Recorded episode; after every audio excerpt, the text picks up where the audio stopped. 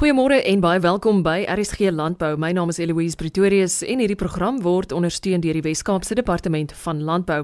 Edward Mabaya is in Zimbabwe gebore en is die bestuurder van agribesigheidsontwikkeling van die Afrika Ontwikkelingsbank. Hy is gebaseer in die Ivoorkus. Die derde Landbou Jeugforum het 'n tydjie terug in Kaapstad plaasgevind, 'n geleentheid wat in samewerking met die Afrika Ontwikkelingsbank en die Wes-Kaapse Departement van Landbou aangebied is. Wat samewerking in die landbousektor betref tussen lande, meen Edward dat die suksesstories volop is wanneer dit gebeur. Indeed, I think uh, there's that old African saying that goes that if you want to go, uh, I think it says if you want to go quickly, you travel by yourself. But if you want to go far, you travel with others. This is precisely why, for every venture that we do, we believe in partnering with local organizations as you could uh, maybe see from our list of collaborators, we have more than you know uh, 10 or 15 different partners that are coming together to make this event possible. So we believe in strong partnerships, and we believe that each partner brings something unique that will make uh, uh help us achieve our mission. See, our goal here is very simple. We believe that the youth are the future of Africa's agriculture. Africa has 70% of its population that is uh, under the age of 35. And Africa is also still ground zero for food insecurity around the world. We believe that the, where others see a challenge, we see a unique opportunity and solution. So, if we can harness the power of the youth to unlock the agricultural potential in Africa, we believe that the continent can be able to feed itself.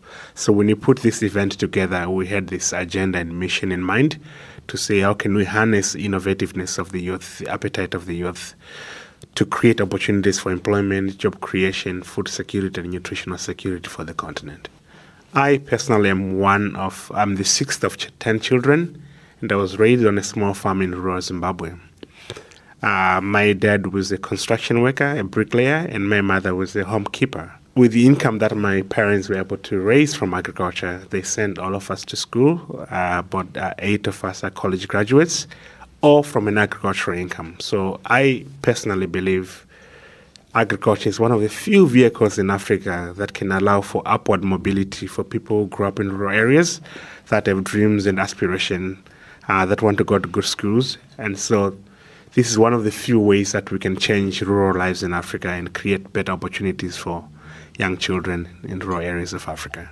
So I, I have a living personal testimony of the power of agriculture to transform lives. I've had the chance to travel around the world, and you know, one could say that you know this thing that we call agriculture, you know, it's not always the most sexy of areas to get into. You know, uh, people are excited about new things. There's Uber, there's things that happen in urban areas, but we must remember that you know about seventy percent of our population in Africa still lives in rural areas.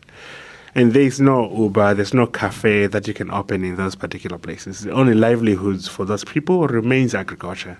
So we cannot talk about developing this continent, developing even South Africa, unless we can unlock this power that agriculture has. And we cannot count on the generation of our parents. You know, they are retiring, they're getting old. So we really need to be able to capitalize the potential that our young people that are coming in, that are able to face these new challenges that we have most of the challenges that we have in agriculture now were not a generation ago. I remember when I was young, you could count on rainfall coming on the 15th of November every year. We could count on that and take it to the bank. These days, it can come anywhere from you know end of September to all the way to January. Things are changing. There's climate change. There's new pests and diseases that were not there, and you need young people who have access to uh, these modern ICT platforms that can go online, look for new solutions, and they have to develop these solutions for themselves and for generations to come. So I think we're working in a very different field of agriculture than what our parents faced, and I think the people to provide those solutions are none other than Africa's youth.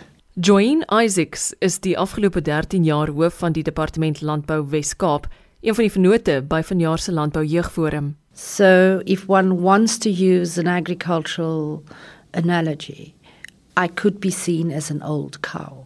The fact is, sometimes old cows have wisdom. They might not actually um, produce all the milk, but they sure can give a lot of young people advice or young cows advice. The reality is, is that as you get older, you also have to think about the sustainability of your organization. So often we see people that reach a pinnacle, but when you talk about succession planning, um, it's not in place.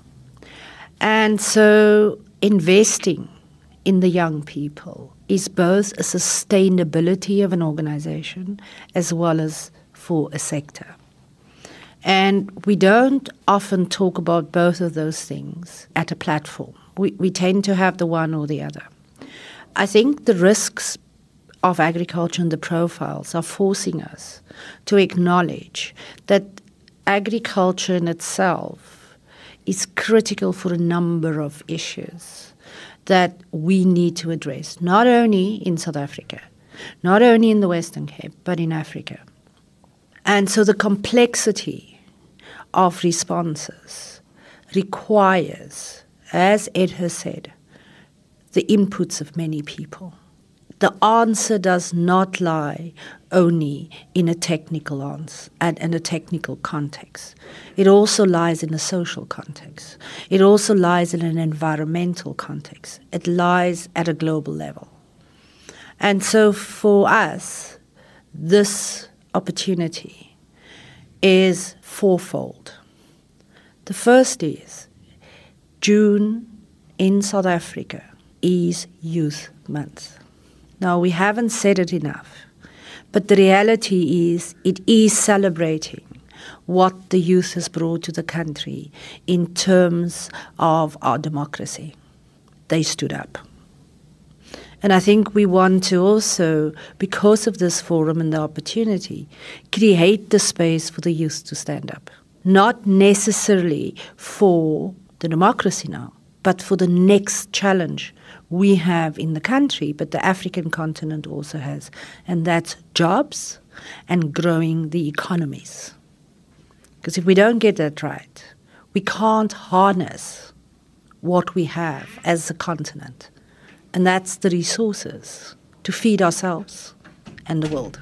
So I, I think that's the first thing. The second thing is, is that technology is becoming part of our context in agriculture as well. And somebody referred to at the conference to our parents and their understanding of technology vis a vis young people and their comfortableness with it. So, how do you use that? The third one is, is that there has to be a space for everybody in agriculture to tackle the complexities and the challenges. The youth is one component. There are others women, people with disabilities, the more wiser people. I wouldn't want to say the more older people. There has to be a space. This is one part of that space for agriculture. But I think for me, the last one is actually that as Africans, we have many solutions, but often we don't have the platforms to actually share it with each other despite people's perception of Africa, it is vast. I don't have a cousin in Nigeria. I have a cousin everywhere. But how do I speak to my cousin?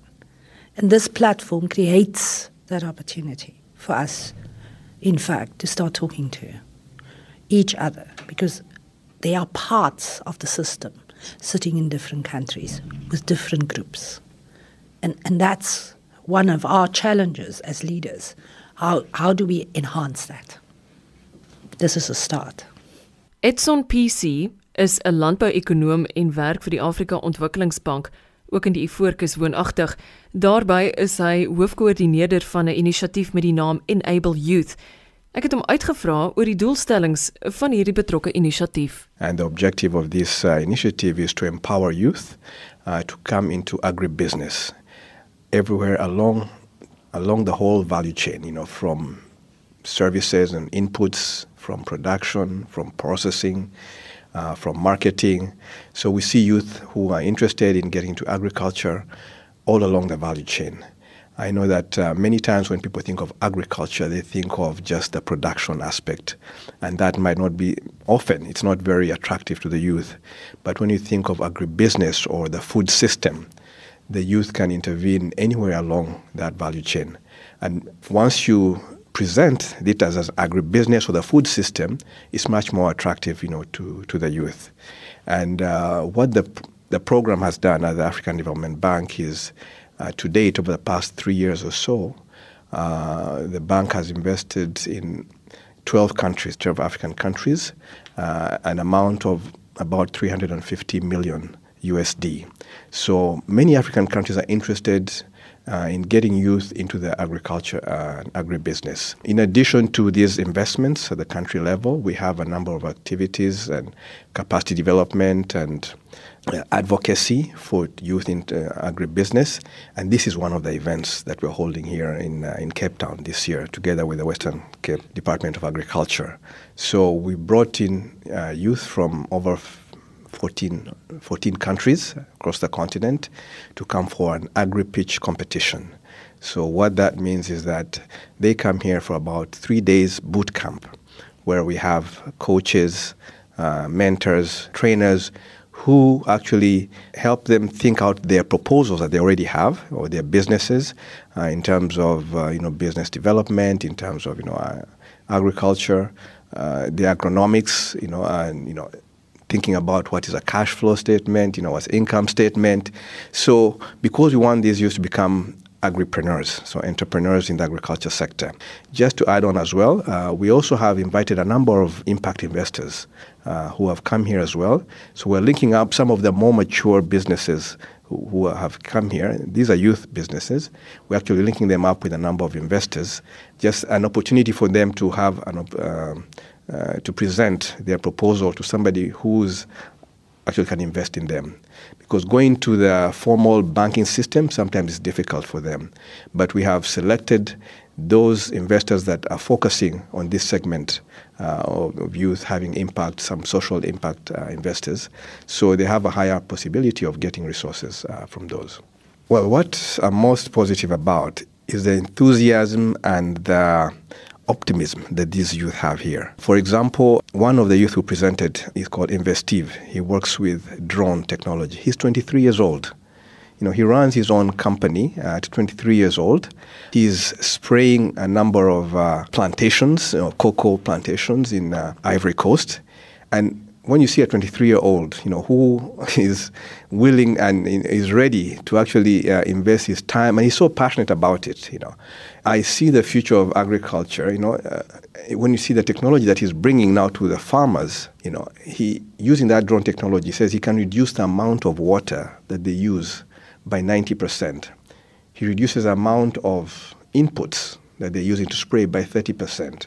So he's got the technology. The farmers have what we call the low technology, but linking that up, you can see that I feel very optimistic that the future of agriculture on the continent is really going to benefit by actually for by us empowering these youth, you know, who can actually link up now to some of the older farmers. Bongiswa Matoti is direkteur landbouekonomie by die Wes-Kaapse Departement van Landbou. Volgens haar het vanjaar se landboujeugforum beslis 'n ding of twee omtrent geleenthede in landbou bewys. So what actually showed me or what I've learned out of this whole event is that Africa is alive with possibility. We, we often get out of the continent to go and look for solutions and I've learned a lot in here that we've got actually the solutions, you know, ourselves for Africa's problems. And um, it's even more exciting to see that the youth actually is actually at the helm of it.